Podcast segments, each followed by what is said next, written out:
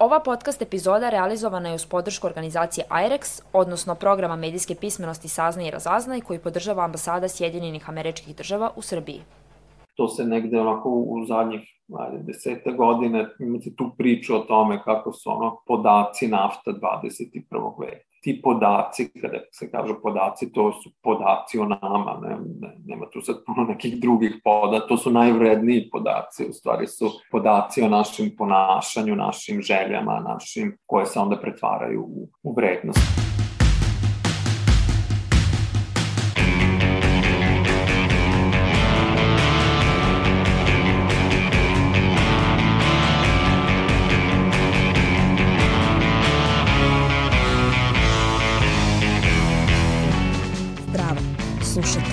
Slušate 80. epizodu podcasta Reaguj nezavisnog društva novinara Vojvodine.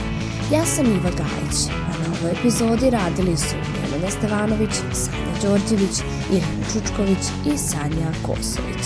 Pre nego što započnemo ovu epizodu, postavit ćemo vam jedno pitanje, na koje možete odgovoriti i u Facebook grupi Podcast Reaguj. Zanima nas kako ste došli do ovog podcasta. Da li vam je neko preporučio ili vam je ipak izašao predlog na društvenim mrežama. Danas pričamo baš o ovome. Kako dolazi do toga da baš vama iskuči neki sadržaj ili reklama koja vas zanima, odnosno kako funkcioniše targetiranje sadržaja. Pre nego što konsultujemo eksperte, želeli smo da vidimo i šta misle korisnici društvenih mreža. Zato smo prošetali ulicama Novog Sada i Beograda i pitali mlade kako baš do njih dolaze reklame koje ih zanimaju. Poslušajmo šta su odgovorili. Pa te reklame koje me baš interesuju me uglavnom ne pronađu, ali kad me pronađu onda je to zato što sam ukucao, ne znam, na YouTube ili na Instagramu ili Faceu, a te sve aplikacije su prosto spojene. A ove koje me ne interesuju, iskreno, one me najviše nađu i to ne znam već kako. To stvarno ne znam kako, to su neki algoritmi i tu postoji dosta teorija zavere, ali prosto Instagram, Facebook, YouTube, svi su, svi rade zajedno prilike da, da guraju to što te interesuje, to što oni misle da, da te interesuje. Pronalaze me tako što klikćem na sve što mi se svidi, od odeće preko nekih gadžeta i nekih potpunih gluposti i onda algoritam odradi svoje i krene da mi nudi iste ili vrlo slične sadržaje koje bi me mogli zanimati. Srećom, mnogo sam kupovala od kada je krenula pandemija online i to je rezultiralo tome da imam sve veću i veću ponudu raznih stvari koje mi verovatno nikad neće trebati. Na osnovu pretraživanja koje upisujem u Google ili tako nešto slično, ja mislim da u zavisnosti šta tražimo, postoje ključne reči na osnovu kojih oni šalju sadržaj. Prvo mislim da sadržaj koji mi inače gledamo dosta utiče na to. Znači, ukoliko ja malo više pratim e, neke sportske objave, naravno da će mi reklame izlaziti nešto što je povezano sa sportom. Ukoliko malo više pratim kućni dekor, više će mi izlaziti možda, ne znam, Ikea i tako dalje. A druga stvar, mislim da je to do toga šta naši prijatelji prate. Ukoliko naši prijatelji su više arci tip, naravno da će i nama izlaziti stvari koje su određene na više hipsterski način na možda naše teme koje nas interesuju? Pa preko algoritama na internetu. Mislim, redko kad me zanimaju neke reklame kao što su za neke proizvode, tipa na YouTube-u što se vrti za dostavu ili tako nešto, ali ako me zanima nešto konkretno da kupim u bilo kojem pretraživaču, da ukucam da li na Google-u, da li na društvenim mrežama, a sledećih mesec dana će mi izlaziti te reklame. Naprimjer, ako me zanima da uzmem slušalice, sledećih mesec dana će mi izlaziti Gigatron ili patike, pa će mi Office Shoes ili tako nešto. Taj svet je to jedan velika misterija, u stvari svega i sve je moguće i svima iskače sve, u stvari, ali mi nismo ni svesni i onda taj algoritam u stvari gleda na šta mi najviše reagujemo. Ukoliko najviše puta prevučemo, to je to neka swipe up, ili uđemo baš na link uh, na samo jedan varijete tema, onda će te teme naravno više ići. Ali bar jednom mesečno tebi iskaču i reklame koje tebe apsolutno ne interesuju. Čuli smo šta kažu mladi iz Novog Sada i Beograda. Oni su spomenuli nekoliko različitih mogućnosti kako do nas dolaze personalizovani sadržaji. Ono što je zanimljivo jeste činjenica da sve to može biti tačno. Profesor na Akademiji umetnosti u Novom Sadu i osnivač Share fondacije Vladan Joler za podcast reaguje i objašnjava da se sve više potencira na algoritamskoj transparentnosti da bi se razumelo na koji način targetiranje uopšte funkcioniše. Najveći problem je što u stvari mi tačno ne znamo kako to funkcioniš. U proteklih, ajde kažemo, 5-6 godina postoji ta tendencija da, da i postojala gomila nekih inicijativa u pravcu nečega što se zove algoritamska transparentnost. E sad, zašto je algoritamska transparentnost bitna? Zato što većina tih procesa nanotargetinga, koje je u stvari to kao targetinga malog opsega, je za, za takve stvari u stvari neophodna ta neka vrsta algoritamske obrade, zbog toga što u većini situacija, znači ako mi pričamo o, ne znam, Facebooku ili o Google, mi pričamo tu o stotinama različitih nekih izvora, odakle oni u stvari vuku te podatke. Sad ti izvori su u stvari različite naše aktivnosti sad to sad ima čitav dijapazon, znači od toga šta mi sad posećujemo, to jeste jedna dimenzija tog nekog prostranstva ili te neke teritorije, statističke teritorije. Onda s druge strane, znači šta smo kliknuli, koliko smo se zadržali na određenoj stranici, šta smo posećivali, gde smo čak i u fizičkom sredini bili. Znači ti sad senzori, u stvari koji prikupljaju, sad ti senzori, pod senzorima mislimo od tih recimo internet kukija pa do nekih ono malih delova koda koje sad postoje na tim web stranicama ili sad tih, ne znam, narukvica koje, ne znam, beleže naše otkuce srca, znači može biti šta god. Tu znači postoje stotine i stotine različitih vrsta podataka koje se prikupljaju i onda je vrlo teško u stvari utvrditi, pogotovo ako ti to istražuješ od spolja, tvrditi šta od toga realno i na koji način utiče na šta. Stručnjak za digitalni marketing Ivan Bildi kaže da sve platforme koje nude reklame rade na istom principu, a taj princip je jednostavan. Na osnovu naših aktivnosti na mreži ove platforme prave profil i time nas svrstavaju u određene kategorije koje se nude oglašivačima kod targetiranja reklama. Facebook prati naše ponašanje na Facebooku, Instagramu, Whatsappu i tako dalje i na osnovu toga nas svrstava u neke različite kategorije koje onda oglašivači posle mogu da koriste kako bi plasirale, plasirali oglas. E sad, tu postoji e, zaista mnogo, mnogo faktora i mnogo načina na koji to sve utiče, ali ukratko prati se manje više svaka naša aktivnost od toga kakve, šta pretražujemo na internetu, kakve sadržaje konzumiramo, šta gledamo na YouTube-u, kakve videe gledamo na, na Facebooku, kakve slike, na kakve slike reagujemo, na kakav sadržaj reagujemo. Svaki naš korak se negde beleži i pravi se taj profil na osnovu koga posle e, ti oglašivači mogu da dođu zapravo do nas. Kako navodi stručnjak za digitalni marketing, za svaku reklamu potreban je input, odnosno neka naša aktivnost na mreži sa istim ili sličnim sadržajem koji će algoritam prepoznati kao naše interesovanje. Pa u principu mora da je, mora da je neki input došao sa, sa naše strane. Taj input ne mora da bude nužno ja sam lajkovao nešto. Može da bude da sam i posetio taj određen website. Možda da sam posetio konkurentski e, website i Facebook i Google i druge platforme mogu da zaključe da ako sam ja bio recimo na nekom sajtu Bele tehnike, da ako se neki drugi sajt Bele tehnike oglašava da može meni pre da pusti reklamu. Takođe, i te subtilne stvari se gledaju koliko smo se zadržali na određenom e, postu, recimo da li smo kliknuli da pročitamo više ako je neki sadržaj, koliko smo pogledali dugo taj video, šta u tom videu piše. Takođe, e, slike koje gledamo, postoje algoritmi na Facebooku koji jasno razumeju šta je na fotografiji, šta je na slici koju, koju gledamo. Znači svaki, svaki pokret, sve što mi uradimo na, na tim uh, sajtovima, na tim platformima je negde zabeležen. Znači ne mora to da bude eksplicitna aktivnost kao komentarisanje, lajkovanje, može da bude i to nešto subtilnije, ali mora da dođe sa naše strane. Prosto Verovatno vam se desilo da govorite o nečemu sa nekim, a onda vam reklama upravo za to izađe na nekoj društvenoj mreži.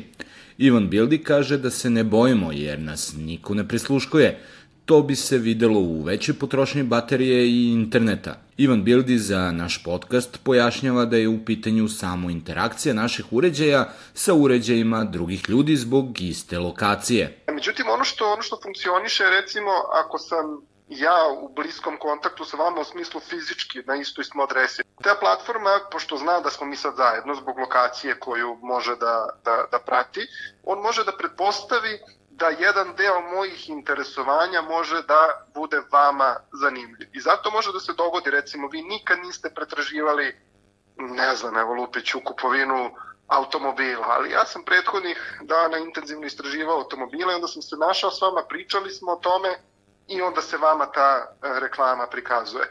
Tako da to je nešto što je onako obično ljudima zanimljivo jer deluje onako, pa da kažem u najmanju ruku čudno, ali nije zapravo prisluškivanje, već je ta mogućnost da se moje interesovanje prebaci, prebaci i, na, i na vas. Zato što smo bili negde u nekom bliskom kontaktu ili smo se dopisivali kroz Messenger ili neku drugu aplikaciju da Facebook može da pomisli da neko moje interesovanje može da se i vama dopadne. S druge strane, Vladan Joler iz Share fondacije kaže da je scenario takozvanog prisluškivanja moguć, ali ipak ne možemo biti sigurni da se on isprovodi.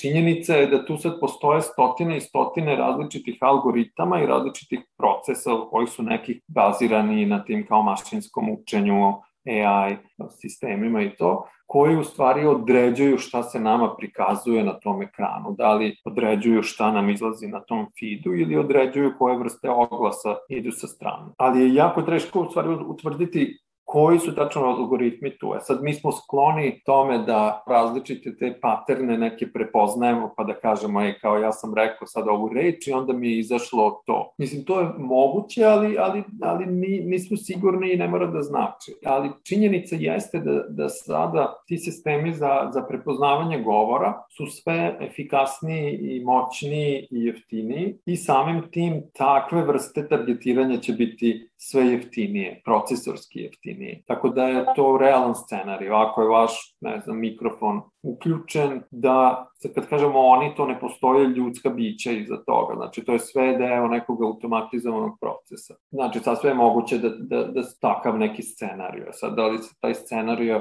stvarno dešava, možda ni bitno, ali najbitnije je ta činjenica da, da smo mi konstantno u stvari objekat ili resurs iz koga se crpe neizmerna količina podataka i onda se oni obrađuju i nama se vraća nešto, da li neki targetovani oglasi ili neke sadržaje u odnosu na to kako se ponaša. Svaka interakcija podloči Ivan Bildi, pa čak i ona kada napišemo negativni komentar računa se kao interakcija, algoritam je prepoznaje kao naše interesovanje za takav sadržaj ili proizvod. Ne može e, da mi ne uradimo ništa i da nam se reklama prikaže na osnovu, na osnovu ničega. Prosto čim smo napravili profil, mi smo upali u neku prvu kategoriju. Što više koristimo tu platformu, to će nam relevantnije reklame i dolaziti. Ono što ljude obično e, nervira je ako viđaju stalno iste reklame koje ih ne zanimaju, ako oni komentarišu na tu reklamu u negativnom smislu, recimo, ne želim da viđam ovu reklamu ili napišem vi ste lopovi ili ne dopada mi se ili šta god negativno da napišu, e, algoritam ne, ne, ne gleda negativno i pozitivno, on gleda kao interakciju, to znači da vas to zanima. Da li vas zanima negativno ili zanima pozitivno, njemu nije toliko e, primarno važno, on želi da vama daje sadržaj na koji vi reagujete. Ipak ponekad dolazi i do toga da nam se nude sadržaj i proizvodi na društvenim mrežama i platformama koje nas ne interesuju, što smo čuli i u anketi sa mladima na početku ove epizode.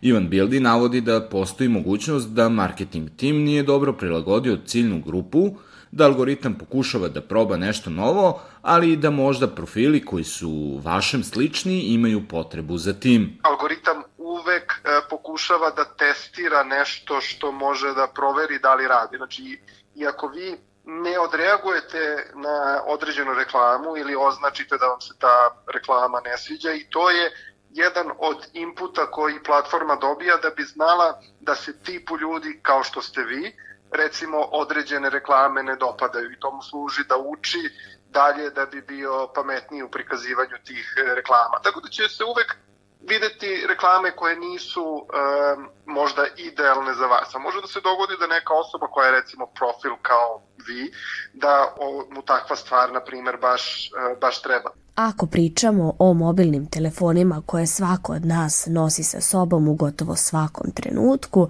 moramo podvući da aplikacije koje imamo u njima prikupljaju određeni spektar ličnih podataka. Pitali smo Vladana Jolera iz Share fondacije o kojim podacima je reč. Tu sad postoje opet različite, ono, čitav spektar toga. Ako pričamo o mobilnim aplikacijama, one sada prikupljaju određeni set podataka, neki od tih vrsta podataka su stvarno neophodne za funkcionisanje tih aplikacija, a neke od njih i nisu. Neke od njih se u stvari sakupljaju zato što su deo nekog možda sekundarnog biznis modela. Je sad ono što čitava to polje se u stvari negde naziva u stvari kao surveillance kapitalizam, gde te svi različiti biznis modeli koji su bazirani na prikupljanju i analiziranju podataka. Znači, jedan deo dolazi sa mobilnog aplikacija, drugi je način na koji mi ono, brauzujemo internetom, treći je to što klikćemo na određenim sajtovima, četvrti ono što pišemo u tim komentarima, peti. Znači sve, svaka vrsta interakcije u digitalnom prostoru može biti potencijalno resurs za, za takvu vrstu ekonomije. Tako da, mislim, odgovor može biti sve. A da li ste čuli za indeks privatnosti u medijima, odnosno indeks IPM?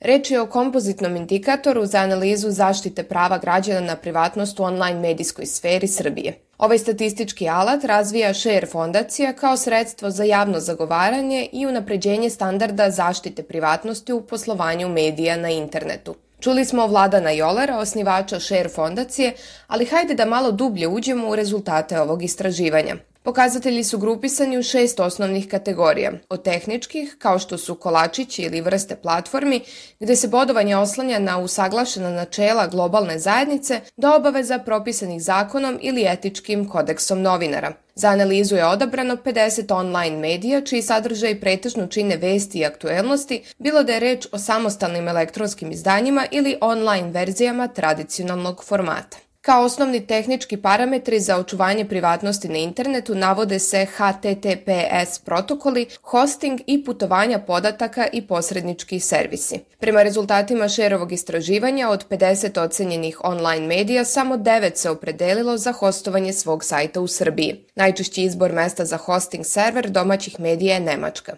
Iako zakon propisuje jasan i pošten odnos prema ličnim podacima građana, online mediji redko uspevaju da artikulišu svoj proces obrade podataka. Principe poštovanja privatnosti iz kodeksa novinara narušilo je 9 od 50 online medija. Iako smo možda očekivali veći broj, ipak je tih 9 kršilo privatnost za sve ostale 52 puta.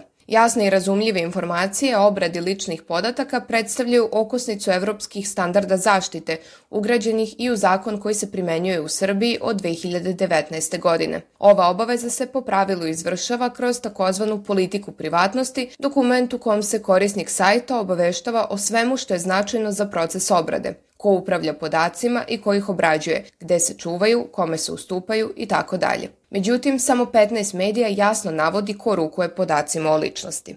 Kada je reč o takozvanim kolačićima i trekerima, upotreba tehnologija za praćenje ponašanja ljudi na internetu u Srbiji podlaže zakonu o zaštiti ličnih podataka u slučaju ako kolačići i trekeri sadrže lične podatke, navodi Share. Korišćenje malicioznih trekera i nefunkcionalnih kolačića namenjenih oglašivačima narušava reputaciju medija. Sajtovi posvećeni informisanju javnosti ne bi trebalo da se rukovode poslovnim modelima zasnovanim na preprodaj i zloupotrebi ličnih podataka. Od 50 medija iz uzorka, 18 ne poseduje politiku o kolačićima, niti bilo kakvo obaveštenje o trekerima i drugim tehnologijama za praćenje ponašanja posetilaca na internetu. Od tih 18, samo je jedan medij, portal javnog servisa RTS, među najposećenijim medijskim sajtovima u Srbiji. Kada je reč o mobilnim aplikacijama, formate prilagođene mobilnim platformama uglavnom koriste samo najposećeniji sajtovi. Analizom je utvrđeno da čak 16 medija u okviru svojih Android aplikacija ima takozvane opasne dozvole po Googleovom kriterijumu, koje aplikacije omogućavaju intruzivan nivo interakcije sa korisničkim uređajima. Ove dozvole obuhvataju pristup kameri, čitanje i izmenu memorijske kartice, utvrđivanje tačne geolokacije korisničkih uređaja i pronalaženje drugih korisničkih naloga na uređaju. U prošloj epizodi pričali smo o budućnosti zaštite ličnih podataka u virtuelnoj realnosti. Zato smo se sada vratili na sadašnjost i pitali Jolera šta je najproblematičnije kod trenutka u kome mi kliknemo na opciju prihvata. Jako je bitno u stvari čitati, a da sad i prilikom toga kad vi sad kliknete I accept, način na koje se to piše, dužina tih tekstova, koliko je to sad stvarno tačno, koliko je netačno, jer to sve pisano nekim onako polumarketinško, polupravnim slengom, koji onda u stvari na kraju ti nisi baš ni siguran šta to tačno radi. Ali dovoljno je recimo da ti kažu da ono kao prikupljeni podaci mogu biti korišćeni od strane ono third party to znači sve, znači, znači da oni sad to mogu da uzmu i da prodaju bilo kome drugom itd. itd. Znači tu sad ima stotine različitih nekih scenarija eksploatacije i, i manipulacije koje se dešavaju u tom. Joler ističe da postoje tendencije da se ovaj problem reguliše i donekle smanji zloupotreba ličnih podataka. Tu sad postoje par nekih trendova što se vez, vezano za taj ovaj, surveillance kapitalizam jeste da I recimo u okviru Evropske unije sad imate neku tendenciju da to počinje da se reguliš, da počinje negde ljudi postaju svesni toga, tih odnosa, tih nekih nevidljivih odnosa i nevidljive cene koje postoje tu. Tako da tu negde većinu slučaja u Evropskoj uniji kreće da se dešava ta neka vrsta regulacije. Tako da verovatno nadamo se da tu sad postoji neka tendencija da će se to nekako, ta, ta vrsta anarhije koja postoji u tom polju, da, da će se nekako ublažiti. Ipak, iako predstavlja problem, Joler naglašava da za sada ne postoji druga alternativa za funkcionisanje kompanija na internetu. S druge strane, nije jasno koji je sad taj neki, ne vidi se na horizontu neki alternativni biznis model koji je dovoljno jak da zameni ove. Jer, jer vi ako sada pogledate, većina najvećih kompanija na internetu, njihov biznis model je baziran na tom. Potrebno bi bilo da se desi stvarno nešto neverovatno, da se stvari čitava ta paradigma promeni u smislu da sada nešto drugo postane glavna valuta. Jer vi imate, to se negde negde onako u zadnjih ajde, deseta godine imate tu priču o tome kako su ono podaci nafta 21. veka ti podaci, kada se kažu podaci, to su podaci o nama, ne, ne, nema tu sad puno nekih drugih poda, to su najvredniji podaci, u stvari su podaci o našim ponašanju, našim željama, našim, koje se onda pretvaraju u, u vrednost. Tako da za sad se tu ne nazire neka nova vrsta ekonomije ili nova vrsta eksploatacije koja bi bila bazirana na nečem drugom, nego u stvari sve ide sada u tom sve dubljem i dubljem zadiranju u naše svesno, nesvesno, podsvesno. Pa sad imamo, ne znam, priča se kao ekonomija emocija, ekonomija pažnje, ekonomija, znači sve te neke no, nove forme eksploatacije, da u stvari sada eksploatišete bilo koja vrsta reakcije ili pažnje koju mi imamo. Već smo govorili o reklamama koje su toliko specifične da vas mogu uveriti da vas vaš mikrofon prisluškuje. Iako i dalje nismo sigurni da li je to slučaj i teško nam je da zamislimo da se to dešava na neki drugačiji način, ovo u stvari može biti pokazatelj da nas naše društvene mreže i pretraživači toliko dobro poznaju da nam je ponašanje veoma tačno predviđeno. Demografski podaci koji uključuju rasu, etničku pripadnost, versko uverenja, godine zanimanje, prihod, društvenu klasu i nivo obrazovanja nekada su bili najvredniji najvažnija vrsta informacija za trgovce koji žele da poboljšaju targetiranje svoje publike. Zatim je 2016. godine psihografija postala popularna. Ovaj termin je ušao u mainstream najpre zahvaljujući skandalu Cambridge Analytike. Napravimo malo pauzu. Iva, da li bi mogla ukratko da nam prepričaš šta se desilo tada i kakav skandal je to u pitanju? Naravno Sanja, kompanija Facebook i kompanija za analizu podataka Cambridge Analytica našli su se usred rasprave o pribavljanju i korišćenju ličnih podataka, a postavljeno je i pitanje da li je time izvršen uticaj na rezultate izbora u Sjedinjenim američkim državama 2016. godine, kao i na referendum o Brexitu. Kako je to moguće? Pa krenimo od samog početka. Facebook je 2014. godine pozvao svoje korisnike da učestvuju u kvizu kako bi otkrili koji su tip ličnosti. Kviz je napravljen tako da prikuplja podatke kako korisnika koji žele da učestvuju u testiranju, tako i podatke njegovih prijatelja, što je bila uobičajena praksa za sve igrice i aplikacije na ovoj platformi u tom trenutku. Umeđu vremenu, Facebook je ograničio količinu podataka koju programeri mogu na ovaj način da prikupe. Ipak, Christopher Wiley u tom trenutku zaposlen u Cambridge Analytici navodi da su zbog činjenice da je 270.000 ljudi učestvovalo u kvizu prikupljeni podaci oko 50 miliona korisnika, prvenstveno iz Sjedinjenih američkih država, bez njihove saglasnosti. Wiley tvrdi da su podaci prodati Cambridge Analytici, koja ih je iskoristila za pravljenje psiholoških profila korisnika i načina na kojim se mogu ponuditi materijali koji favorizuju Trumpa, što Cambridge Analytica demantuje. Facebook je na kraju platio kaznu od 500.000 funti zbog ovog skandala. Sanja, vratimo se na psihografiju. Šta je to uopšte? Pa Iva u najkrećem. Ona podrazumeva targetiranje osoba na osnovu načina na koji razmišljaju umesto demografskih podataka. Psihografika ide dalje od klasifikacije ljudi na osnovu opštih demografskih podataka. Ona nastoji da razume kognitivne faktore koji pokreću ponašanje potrošača, što uključuje emocionalne odgovore i motivaciju, moralne, etičke i političke vrednosti, inherentne stavove, pa i predrasude. Psihografika proučava potrošače na osnovu njihovih online aktivnosti, interesovanja, ali i mišljenja.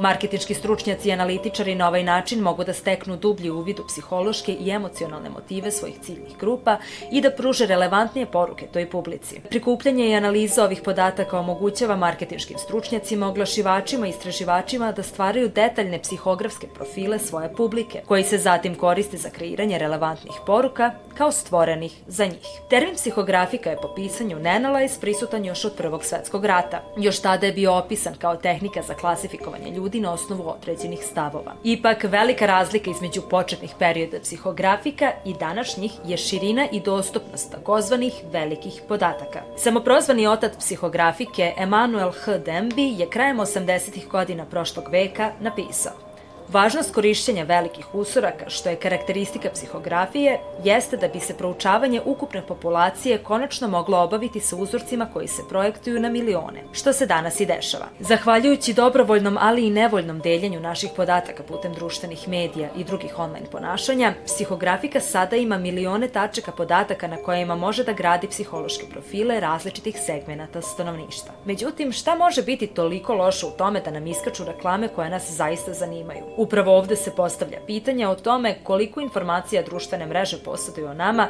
i na koji način se one koriste ili potencijalno mogu zloupotrebiti. Maja Vasić-Nikolić je između ostalog i trenerica na Airexovom projektu Saznaj i razaznaj, čiji je cilj povećanje svesti o medijskoj pismenosti. U fokusu programa su osjećanja koje ljudi imaju kada se susretnu sa nekom medijskom porukom. Na ovaj način, primećivanjem i imenovanjem svojih osjećanja, osoba dobija veću kontrolu nad svojim daljim postupkom. Kada se upitamo zašto je neki sadržaj takav, zašto izaziva takve emocije, zašto je naslov takav kakav je, zašto se koristi ovakva fotografija, ne onakva fotografija, e, onda već ulazimo u motive onoga ko taj sadržaj za, prema nama priprema i e, u, ulazimo u to da li postoji neka manipulacija, da li je u pitanju samo izveštavanje ili ima tu i propagande, PR-a, oglašavanja drugih tipova i ostalo. E, isto se e, odnosi i na recimo objave na društvenim mrežama, da uh, ukoliko vidite neku objavu uh, u koju možda posumnjate, treba razmisliti kako se osjećate i da li im postoji neka namera autora tih objava da kod nas izazove određeno osjećanje. Kažem to zbog toga što često ljudi u navali osjećanja podele određenu informaciju ili objavu, ni ne znajući da ona sadrži dezinformacije ili još gore taj neki govor mržnje. Potražili ste nešto na Google i rezultati su vam izašli na domaćem jeziku i za domaće tržište. Volite ribolov i na Facebooku dobijate samo reklame ribolovačke opreme. Dobijate samo informacije o vašoj političkoj opciji i nemate pojma šta se dešava sa druge strane. Čestitamo, dobili ste svoj lični mikro internet. Ova pojava naziva se informacioni mehur i može da bude vrlo opasna ukoliko ne pukne. Ako malo proširimo priču, evo damo recimo do stereotipa, information bubble ima i tu efekta zbog toga što ako smo samo izloženi informacijama koje potvrđuju naše mišljenje, onda se recimo stereotipi jačaju, a to može da bude vrlo nezgodno kao što i mi znamo ovde u, u, u našem regionu, a kada su u pitanju reklame i ta information bubble konkretno, opet dolazimo dotle da mi zbog toga što preko algoritama koji prati naše ponašanje, oni znaju gde smo bili, šta smo kupoli, o čemu smo čak i pričali. Zapravo nam plasiraju ono što algoritam misli da će nama da se svidi, da će biti za nas korisno. Ali e, svakako sužava izbor i na, navodi nas na ono što će nam se već svideti ili na šta oni misle da će da, da, da nam bude korisno, a s druge strane seče nas od e, sjaseta drugih nekih opcija koje ili reklame ili bilo kakvih drugih sadržaja online koji nam mogu pomoći da donesemo nešto što je informisan izbor. Međutim, i ovaj mehur može da se izbuši.